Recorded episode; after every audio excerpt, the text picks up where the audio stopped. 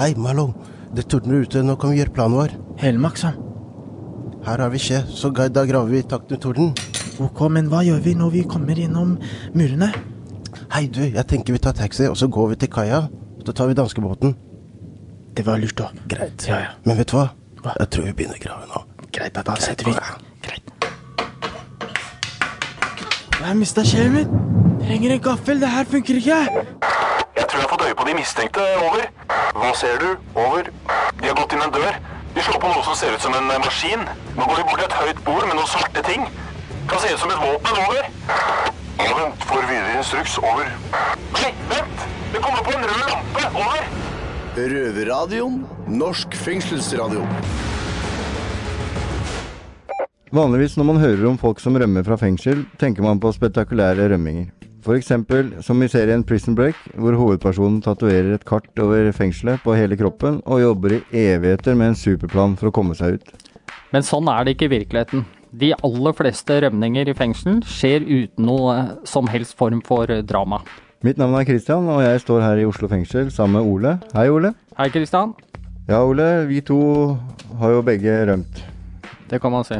Eh, det samme er jo faktisk eh, teknikeren vår. Har det også? Ja. Ja. Ja. ok. Eh, det er faktisk eh, mye lettere å rømme fra et fengsel enn det folk tror. Og eh, det vi skal fortelle mer om i dag, eh, er akkurat det temaet. Og før dere får helt stressanfall i politiet nå, så er det ikke eh, sånn at vi skal få folk til å rømme. Men du skal få høre hvordan de fleste rømmer. Og så skal vi få besøk av en av de som vet mest om rømming, utenom oss selvfølgelig. Ja, og det er eh, Rita Kilberg. Hun er regionsdirektør i Kriminalomsorgen Sør. Eh, og hun kan svare på hvor mange som er på rømmen fra norske fengsler, og hva man gjør med det. Men aller først skal vi få inn en i studio her som har fått med seg flere rømninger enn de aller fleste. Ja, en veteranbetjent, nemlig Geir, som jobber her i Oslo fengsel. For eh, hvordan rømmer man egentlig fra fengsel?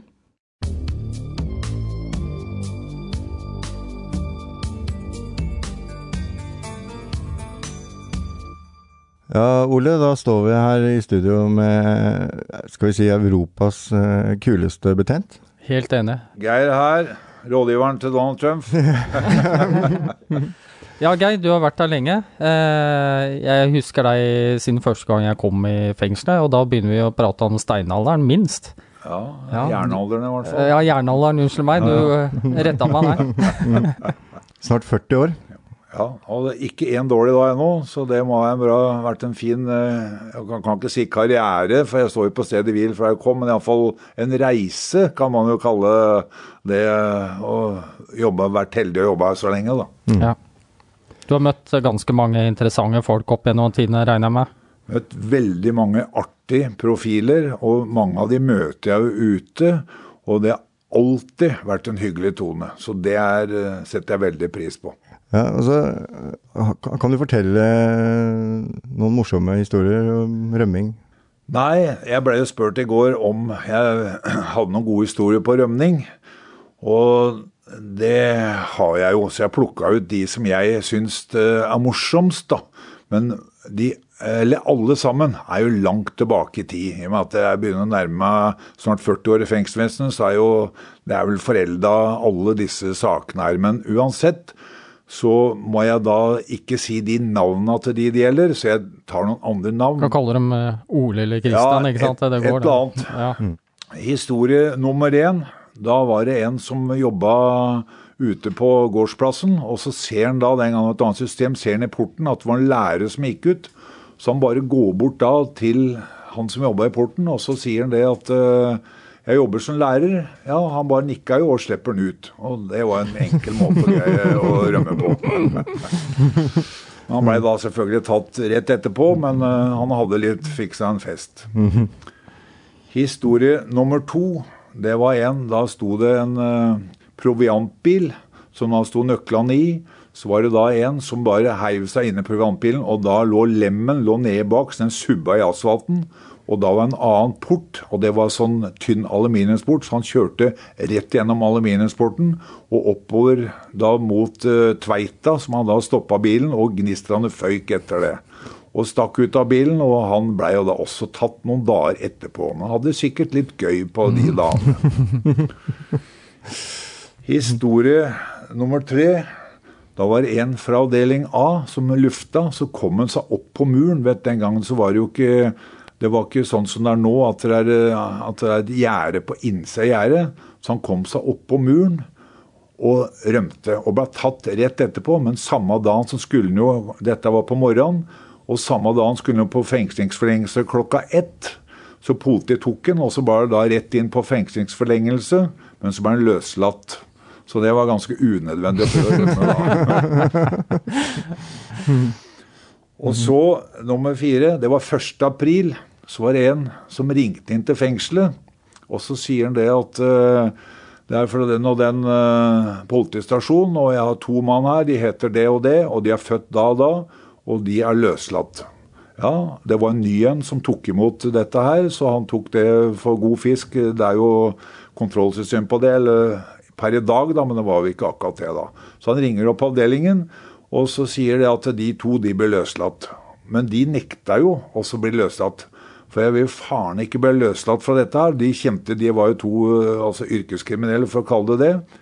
De nekta å bli løslatt, for da vet de at da står politiet på utsida av gjerdet og tar de og putter de i fillereisen som eller hva det er.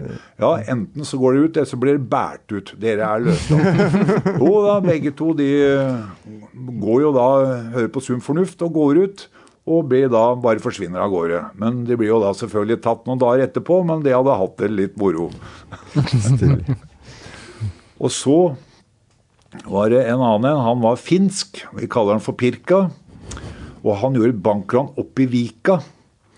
Og så var det en kjent pastor, en veldig profilert pastor på den tida der, sånn, og han var ut, på vei ut med bytte så roper han pastoren til i Guds navn stopp. Så han, han, snur seg rundt og bare får se hva det var for noe. Og akkurat den gangen der, dette var jo på begynnelsen av 80-tallet, så var det da en da var det vanlig å røyke inne. Så var det sånne høye askebeger som var da sånn veldig tunge i bånn. Så er en da en kunde der. Så han drar opp det askebegeret og smeller tenn i huet, så han går rett i bakken. ikke sant? Og politiet kommer og arresterer han. Så når han kom inn på fengselet her sånn, så var han jo da Han gikk akkurat som han var drita full, for han hadde da skada balansen her. Men så kom han til seg sjøl igjen da, etter ja, det gikk kanskje mange måneder. Men han pastoren han ville gjerne følge han opp og få han religiøs. Og han blei jo religiøs, han der karen der. Men så var det en sånn løpegruppe inne. Som du kunne løpe rundt avdeling A, eller ikke rundt, men ned til avdeling A, og her oppe på, på avdeling B. Og så endte på vinteren så gikk de på ski, og sommeren så løp de. Og han var på den løpegruppa, han Pirka. Og så fikk han hoppe opp på, på muren, da. Og så hoppa han ned og fikk et meget komplisert beinbrudd, og det er umulig å løpe da. Men han han sa det at det var Gud som stoppa han, så han ville ikke løpe videre og rømme, for han angra seg. Men eh, det var ikke det at han angra seg, det var jo fordi at uh, bein var ødelagt. Du kan ikke løpe med komplisert beinbrudd. Ja, det blir sånn satt ut. Ja, men du har opplevd mye? Ja. Det har vært mye moro, som sagt. Men uh, så har jeg en til, og det var en uh, da som hadde fått inn en sånn tråd, sånn diamanttråd, som han da fila en, det var oppe i femte avdeling, og så fikk han fila gitter, så han kom ut. Og så kom han så opp på taket. Og så hadde han noen medhjelpere på utsida.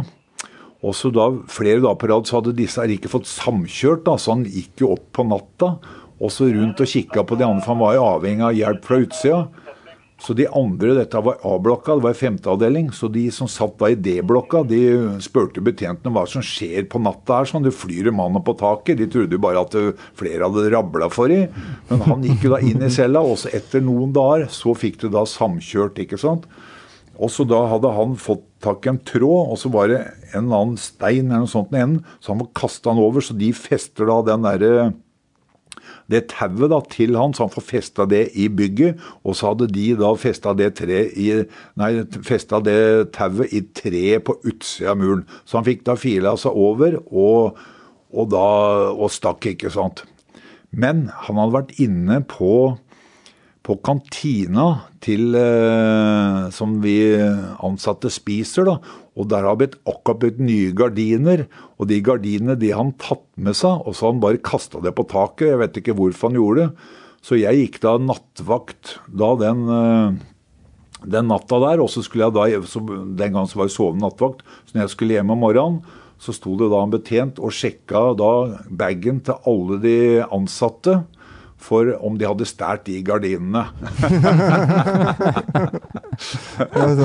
Så det var, eh, det var de seks historiene som, eh, som jeg, som, som jeg syns er best, da.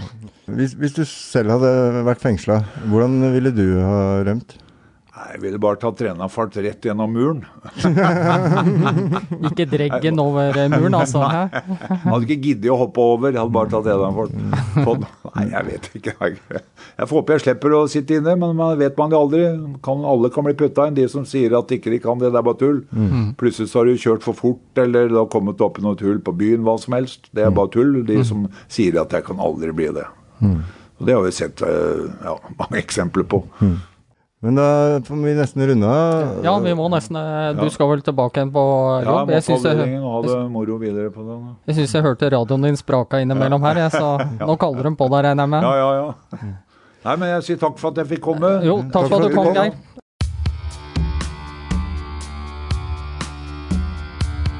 Altså, Geir er bare så full av historier. Ja ja, helt klart. Er du i Oslo fengsel og kjeder deg, så få Geir til å fortelle litt, så har du fort underholdning resten av kvelden. Altså. Tiende etasje. Tiende etasje. Mm. Nå har vi fått høre noen historier om rømninger her i Oslo fengsel, men eh, nå skal vi få vite tilstanden på landsbasis. Ja, For er dette et stort problem? Nå har vi fått en gjest her i studio i Oslo fengsel, som kanskje til og med vet mer om å rømme fra fengselet enn deg, Ole. Det tviler jeg på, Christian. Velkommen skal du være, regiondirektør i Kriminalomsorg Sør, Rita Kilvær. Takk skal dere ha. Eh, du har jo skrevet en stor rapport eh, om folk som på en eller annen måte prøver å unngå å sone straffen sin. Eh, hva er det som gjør deg spesielt interessert i akkurat det temaet der? Jeg tror jeg fikk det oppdraget fordi jeg jobba både i politiet og i kriminalomsorgen. Og det er ikke så mange som, som veksler mellom de to virksomhetene. Og ansvaret for å få folk inn til soning, enten fordi de har rømt eller fordi de ikke møter som innkalt, da, det er fordelt mellom politi og kriminalomsorg. Så da tror jeg kanskje de så det som en fordel at jeg hadde erfaring fra begge arbeidsplassene. Så du ble henta inn? Ja, på en måte.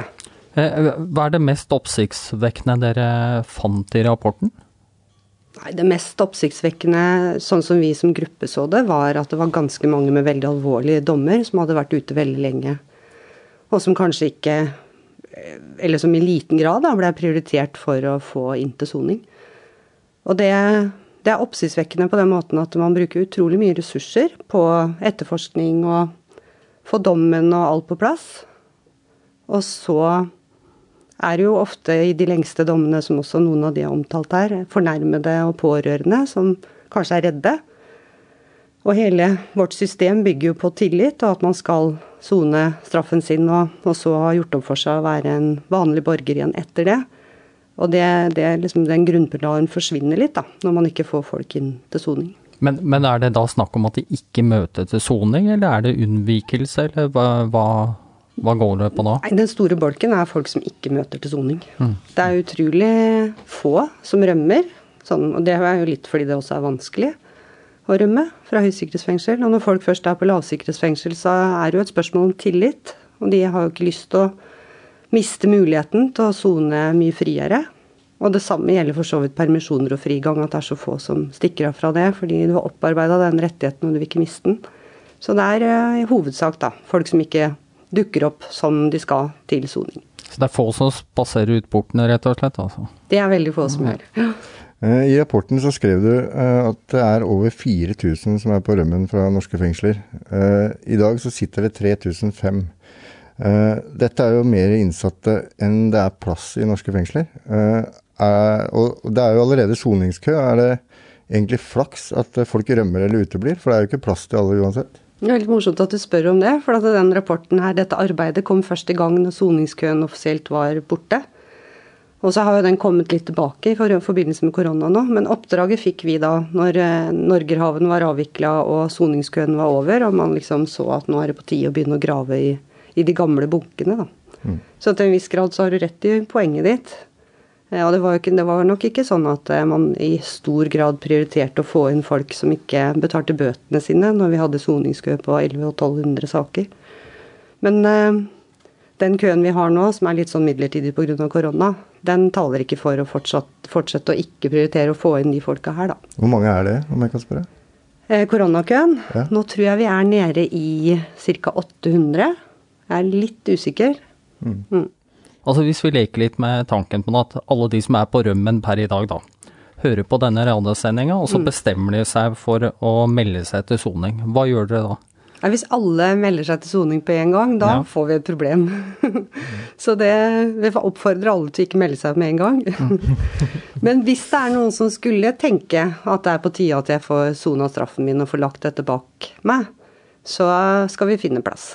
Men hvordan gjør det, la oss si at de ikke er møtt opp til soning, og så angrer seg da, om jeg kan bruke det ordet. Mm. Hvordan bør de da gå frem for å på en måte ikke bli pågrepet, altså helt tilfeldig da? Er det noen prosedyre for det, slik at man kan melde seg på et eller annet vis, og Ja. altså rutiner rundt det? Kan du forklare litt om det? Ja, altså systemet er jo sånn at eh, regionkontorene i kriminalomsorgen de sender dommene til rett fengsel. Og så tar fengselet og sender en innkalling til den domfelte det gjelder. Eh, så du vil normalt eh, vite hvilket fengsel du egentlig skulle ha møtt i når du ikke har møtt. Hvis du har fått posten din og har oppdaterte adresser og sånn. Da ville jeg ringt det fengselet som du skulle ha møtt i, og snakka med de. Eh, Og da vil du antagelig bli møtt ganske positivt, fordi at jeg tror at fengselet syns det er bra at du sier ifra, og at du ønsker å gjøre opp for deg. Og vi forsøker å legge til rette for det, da. Ok, så de, de skal ikke ta kontakt med politiet, som vil være sånn automatisk logisk at man gjør, da. Så man skal ta, eh, ta kontakt med fengselet man har blitt innkalt til? Ja. Ok. ja. Og så stopper eh, fengselet stopper etterlysninga som ligger hos politiet. Aha, ok. Ja, det var interessant. Men, men med alle disse kriminelle på frifot, burde norske folk være redde? Nei, åpenbart ikke, da. Vi har jo et av de landa med absolutt lavest kriminalitet i, i per tusen innbyggere i, i verden. Så det, det går på et forunderlig vis bra, det òg. Men igjen, da, sånn som jeg innleda med, det er veldig viktig at folk eh, soner straffen sin og gjør opp for seg, fordi at det, hele straffesystemet er tillitsbasert. Og en av grunnene til at det norske samfunnet funker såpass bra, det er at eh, folk eh, gjør sin plikt og krever sin rett. Hvis vi slutter med det i for stor grad, så kan hende tilliten til både rettssystemet og det her at vi faktisk har det sånn, da, at eh, folk har forholdsvis korte straffer i Norge og får lov å sone under åpnere forhold etter hvert som eh, man kommer lenger i straffegjennomføringa, så kan det forsvinne. Så vi er liksom alle avhengig av at alle gjør sitt, da. Eh, nå, nå har jeg kanskje litt vanskelig spørsmål, da, men eh, hvem er den typiske rømlingen? Altså, hvor kommer vedkommende fra? Alder, kjønn, høyde, vekt, øyenfarve? Altså, hva, kan du fortelle? Er det noe statistikk på dette her? Det var forunderlig lite statistikk, oppdaga vi som gruppe når vi skulle lage den analysa og skrive denne rapporten. Så det vi har av statistikk, det er egentlig en manuell telling av de som har ligget i etterlystregisteret til politiet. Ehm, så de tallene vi har, har i den rapporten, de er fra 2018 og bakover i tid. Og det vi så, er at eh, det er ti, ti på topp eh, land, og det er Polen. Så er det Norge, og så er det Romania, og så er det Litauen. Og så er det Nigeria, Sverige, Latvia, Afghanistan og Estland som er de landene som troner på toppen. Når det gjelder kjønn, så er det menn. Fordi det er i all overvekt menn som i hvert fall blir tatt for å begå kriminalitet. så, så det speiler liksom virkeligheten for øvrig. Um, ja, og så Faktisk så fant vi 83 forskjellige land da, i det materialet, men det var de ti på topp som jeg ramsa opp nå. Så, og når det gjelder type dommer, spurte du om det også? Ja. Ja. Der er det det er mest av, er liksom de kortere dommene, fra null til seks måneder. Og det er ofte veitrafikk og vinning og økonomisk kriminalitet som går igjen i de. Men så har jo hele spekteret opp til drapsdommer også, selv om det er færre av de, da. Så, så bare så jeg har forstått det riktig, altså det er de med faktisk lavest dommer som oftest er på rømmen eller ikke møter til soning? Eh, Altså Man vil jo tro logisk sett at de som har liksom forventet 10-20-15 år, at det er jo de som stikker av, liksom. Ja, men det kan ha litt med systemet å gjøre òg. For de med de lengste dommene vil jo ofte være såpass farlige da, at de sitter i varetekt fram til de går over på soning av dom. Så det er ikke så ofte du får de mest alvorlige sakene hvor de faktisk er i varetekt, og så slippes ut, og så innkalles til soning. Du har det òg, men eh, i mindre grad. Mens de kortere dommene de blir ofte pågrepet, sitter kanskje kort beite i varetekt, er ute, og så blir innkalt til soning. Pluss at det gjennomgående er jo mange flere med korte dommer enn lange dommer generelt sett. Og så har vi, unnskyld meg Kristian, 100 000 kroner spørsmålet da. Hvor befinner de seg når de er på rømmen? Har dere noe statistikk på det? Nei, vi har ikke det. Dere har ikke liksom sånn eh, foretrukket land hvis du f.eks. Eh, flykter til utlandet eller noen sånne ting? Nei, har ikke det. Ehm, og jeg er litt usikker på hvor mange det egentlig er som flykter til utlandet. Jeg tror det er ganske mange som fortsatt, opp, særlig av de kortere dommene, oppholder seg i Norge. De mest alvorlige, der ser eh, Dere har jo lest rapporten dere òg, der ser jo masse eksempler på hvor de har faktisk flytta til utlandet. Og har ressurser til det. Å skaffe seg falske ID og har penger til å reise og den type ting. da. Men eh, det sted, vi ser at det er en eh, økning i antall etterlyste, og dere har skrevet i rapporten at det er rimelig å tro at det totale antallet etterlysninger stiger fra 16 000 til 20 i, innen 2023. Det høres voldsomt ut. Eh, hvilke tiltak finnes, eh, eller hvilke tiltak bør eh, innføres?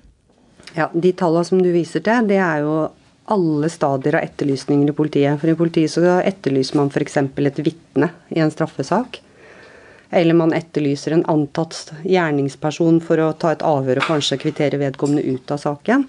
Så det er det liksom fra 16 til 20 000, det er det store tallet. Alle stadier i en straffesak. Um, mens de tallene som vi snakker om, ligger jo noe lavere da. Du snakker om 4000 i stad, ikke sant. Um, det som vi vel tenker er de aller viktigste grepa, det er noe så enkelt som å endre antallet ganger du skal få en sjanse til å ikke møte som domfelt. Det tror vi vil gi eh, en saksgang som er mer effektiv, og at det er lettere å få flere inn, da. Det er det ene. Og det andre er at vi må gjøre noe med digitaliseringsprosessene våre. Sånn at samarbeidet mellom politi og kriminalomsorg, for så vidt også folkeregisteret, blir bedre, da. For det handler veldig ofte om at vi ikke klarer å finne folk. Og så er det dette poenget med å bruke det som domstolene kaller for varetektssurrogater. F.eks. å inndra pass. Eller eh, ta pant i eiendom. Lenke? Ja, Fotlenke, for ja, det hadde vært interessant å se om vi kunne få til det. For det er jo en mindre inngripende form for varetekt. Men, men hva er det som står i veien for at eh, man kan bruke de tiltakene i dag? Eh, altså denne rapporten her, når vi skrev den, så leverte vi den til Politidirektoratet og Kriminalomsorgsdirektoratet, og sammen har de sendt den til Justisdepartementet. Og det er jo en del ting her som krever lovendringer og forskriftsendringer, så det ligger til vurdering i departementet. Um, så der kan det fortsatt komme de endringene som, som vi har pekt på, som vi mener er fornuftige, da. Men det er lett å tro at det har sammenheng med penger. Kan det stemme, eller? Ja, når det gjelder digitaliseringsprosesser, så har det sammenheng med penger. Det er det ikke noe tvil om. Det å få et, bedre oppdatert datasystem hvor man kan f.eks. journalføre adresser både fra politiets side og kriminalomsorgens side fortløpende, eh, det er et spørsmål om penger og ressurser. Eh, Jeg har fått mange dommer selv, men jeg har aldri møtt opp til soning. Er det naivt å tro at folk faktisk skal møte opp til innkallingsdatoen? Spør en amerikaner, så vil han si at det er skikkelig naivt. For Dere har sikkert alle sammen sett filmer fra USA. I det øyeblikket dommen faller, så kommer rettsbetjenten og eskorterer vedkommende direkte til fengsel. Så de, de lar seg kraftig overraske over vårt system. Men det funker jo. Altså, selv om det er mange som ikke, ikke møter, så, så møter faktisk flertallet, da. Mm. Eh, hvorfor blir ikke flere av de som er på rømmen arrestert og satt i fengsel? Altså, hvorfor setter man ikke inn flere ressurser liksom, for å finne dem, eller prøve å ta dem, da? Mm. Det er et veldig godt spørsmål. For i mitt hue så burde man jo heller prioritere ressursene inn mot de som allerede har fått dommen sin, og som vi vet er skyldige i det de har gjort. Framfor å på en måte prioritere nyere og nyere straffesaker. Men i politiet så er det litt sånn. Det er den ferskeste straffesaken som gjelder, og, og bevisene må bevises når de er ferske, og spora må følges når de er ferske. Og da er det lett å glemme en sak som du kanskje avgjorde i retten for to-tre år siden. Mm. For, for det, det, altså Så vidt jeg var, så var det ganske nylig iverksatt en egen sånn etterforskningsdel hos uh, Kripos, den som kalles uh, FAST. Er ikke mm. det Fugitive Action Search Team eller noe sånt noe? Jo. Ja. Det, det, er, det, funker veldig bra det som Oslo politidistrikt gjør, mm. og i, også i samarbeid med Kripos. Og de tar jo også saker som kommer fra andre politidistrikter, mm. når de er alvorlige nok. Eh, men ja, det er et spørsmål om ressurser og avsette tid til å jobbe med det. Og, også følge opp, fordi eh, politiet blir ikke målt på hvor stor bunken etterlyste, eller hvor liten, da bunken etterlyste er. De har mange andre mål som er i dialogen med sjefene, liksom. Mm. Men, Men, ikke dette. Fins det én gruppe da som blir sendt rundt i hele Norge uh, for å se etter uh, en rømning, Nei. hvis det er alvorlig? Nei, ikke i utgangspunktet. Det er det, er det politidistriktet som eier straffesaken, som også eier den etterlyste. Mm. Det er det, sånn som systemet er, liksom. Mm. Eh, det er nedgang i antall rømninger fra fengselet siste året. Eh, det ser vi jo i statistikken mm. dere har lagd. Eh, har det en sammenheng at det har blitt innført straff for å rømme? Altså Vår oppfatning når vi skrev rapporten og kikka på utviklinga på tallet, er at det ikke har fungert altså etter hensikten med å gjøre det straffbart. at det og det vet vi vel egentlig sånn generelt. Et av de landene som har de hardeste straffene, og som i tillegg har dødsstraff, er jo USA. Og de har voldsomt mange flere som sitter i fengsel og blir og har mye høyere kriminalitet enn det vi har i Norge. Så det er nok ikke noe sånn direkte sammenheng mellom å få noen ekstra dager i fengsel fordi du ikke har møtt, og det å ha insentiv til å møte, da. Så vi foreslår å avskaffe den straffebestemmelsen, og heller forenkle innkallingsprosessen.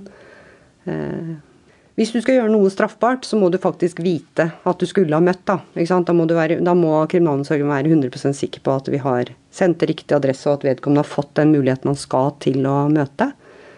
Um, og vi ser eh, Ellers så kan du ikke belegge det med straff hvis ikke du kan liksom påvise at man faktisk har visst det, ikke sant. Og vi mener at det er mer effektivt å forenkle innkallingsprosessen og ikke være så 100 sikker på at vedkommende faktisk har fått det brevet i hånda. Eh, og så ta bort straffbestemmelsen. Vi tror at vi får flere inn da. Men eh, du er jo inne på noe der. Man vil jo at folk skal sone straffen sin. Så med tanke på alle menneskene som er på rømmen, eh, som egentlig skulle ha vært i fengsel, er det ikke dumt at man da, den, i hvert fall den siste tiden, har lagt ned så mange fengselsplasser, og spesielt da åpne fengselsplasser? Jo, Um, burde jo jeg ha sagt ja til det, selvfølgelig, fordi vi i vår region la ned både Hoff og Sandefjord og Hassel. Men uh, jeg tror nok at uh, med å ha oppretta fotlenke, og nå også utvida etter seks måneder, hvor du kan sone på fotlenke, så var det riktig å se på en annen sammensetning av fengslene. Du kan ikke samtidig bygge opp 500 lenkesoner og beholde alle, alle fengselsplasser. Eh, så jeg tror sånn alt i alt så det er mulig at man tok litt mye Møllerstrand, når man tok så mange på en gang, men jeg tror nok at det var riktig å bytte ut noen av de fengslene med, med de lenke, lenkene som vi allerede har fått. Da. Mm. Men hvis vi ser på altså, et naturlig instinkt for oss mennesker, da, det er jo å, å kjempe imot å rømme hvis vi blir fanga. Mm. Eh, har du noen forståelse for at folk rømmer? Ja, det skjønner jeg godt. Mm. Ville du rømt selv? Oh, veldig hypotetisk. um, det er så veldig mange ting jeg måtte ha gjort før, før jeg kom i en situasjon hvor jeg måtte rømme, liksom. Så er det vanskelig å svare på. Um, jeg tror nok at jeg ville hatt en sånn Jeg har, jeg har liksom problemer med autoriteter. Så jeg vil nok ha liksom følt at det ikke bestemmer over meg, liksom, hva stikker. Men uh, jeg tror kanskje at uh, fornuften hadde eh, over, overrida det instinktet. Og fått meg til å både møte og bli og gjøre mitt beste for å komme raskest mulig ut igjen. Mm. Ja. Men uh, nå syns jeg vi har lært mye, Ole. Ja, helt Eller i hvert fall jeg. Ja da, det var veldig interessant dette her. Fått et litt annet syn på KDI. Mm. Uh, at dere f.eks. vil ha bort straff for, for, rømming eller uteblivelse. Og, Eh, At det er masse gode forslag da, som kanskje ikke helt blir eh, hørt. Egentlig, vet du, så burde jo vi ha intervjua dere, som vi ikke møter til soning og som har lyst til å rømme og sånn. Ja, men uh, har, har du spørsmål, skyt i vei. Vi kan ta det med en gang, det. Så det er ikke noe problem, det. Nei da, du skal få slippe det. Men har du noen spørsmål, så har du sjansen nå. Ja, ja. men Hva er det som gjør at du ikke har møtt deg de gangene du har blitt innkalt? Har du ikke fått den? Har du ikke hatt lyst? Eh, sist, siste gangen nå, eh, så venta jeg tre år på en rettssak. Eh, når rettssaken kom, eh, så tok det 14 dager før jeg ble innkalt. Eh, så det er rett og slett eh, Man er ikke godt nok forberedt, da. Mm. Eh, altså Den innkallinga kom altfor fort. Jeg rakk jo ikke flytte ut tinga mine engang. Og få på lager. Mm. Så grunnen til at jeg ikke møtte, det var rett og slett fordi jeg ikke rakk å få tinga mine i sikkerhet. da.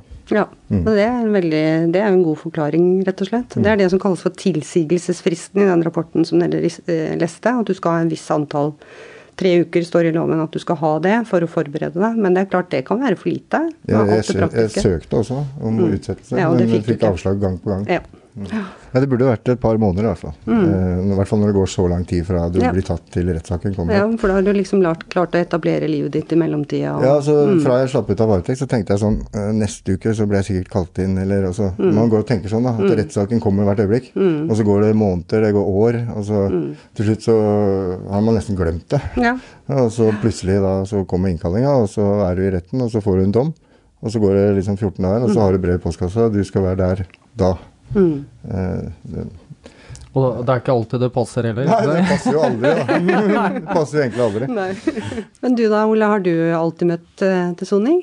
Eh, nei, jeg har vel ikke det. Men jeg har vel aldri blitt kalt inn til soning, eller jeg har aldri kommet så langt, faktisk. Nei. Fordi jeg har eh, heller sett mulighet til å på en måte holdt meg unna da, straffeforfølgelsen. da. Akkurat. Ja. Så det er deg vi skulle ha intervjua og spurt om hvordan du gjorde det sånn rent praktisk, så Kripos kunne fått den informasjonen. Eh, ja, altså Fast var jo inne i, i bildet, da. Ja, de men det var det. Ja, men det var Mm. ikke de som gjorde at de fant meg. Jeg ble egentlig tatt pga. en ren tilfeldighet. da. Og sånn er det. Men det må jo ha vært slitsomt og vært, eh, vært eh, ute som etterlyst i lang tid. Ja, altså til å begynne med så er det jo Du blir liksom at du ser det over skulderen, men etter hvert så tenker du ikke noe spesielt over det etter hvert. Altså i hvert fall når du begynner å gå over tid, da. Mm. Ja. Ja, da har vi jo lært mye i dag, Ole. Det har vi. Vært Fått et- veldig interessant. Ja, Fått et nytt syn på KDI og, og hva dere mener. Uh, og da uh, vil jeg takke for besøket, regiondirektør i Kriminalomsorg Sør, Rita Kilvær. Tusen takk for at jeg fikk komme. Ja.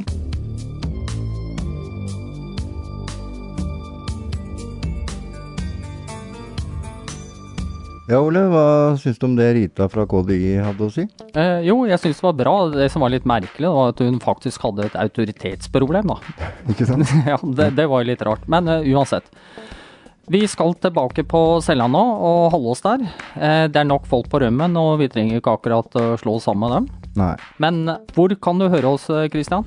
På NRK P2 søndag kveld 20.30, eller når du vil, hvor du vil, på podkast, med mindre du sitter inne, da. Ok, Kristian. Da sier vi ha det. Ja, øh, Før vi går, Ole. øh, hva er de innsattes favorittilbehør til taco? Har ikke peiling. Rømme. Det har vært stille fra over en time. Hva skjer? Over. Det er bare et radioprogram. Det er lettere å høre på dem der. Over. Ja, vet du når det går da? Over. Det er samme tid og samme sted neste uke. Over.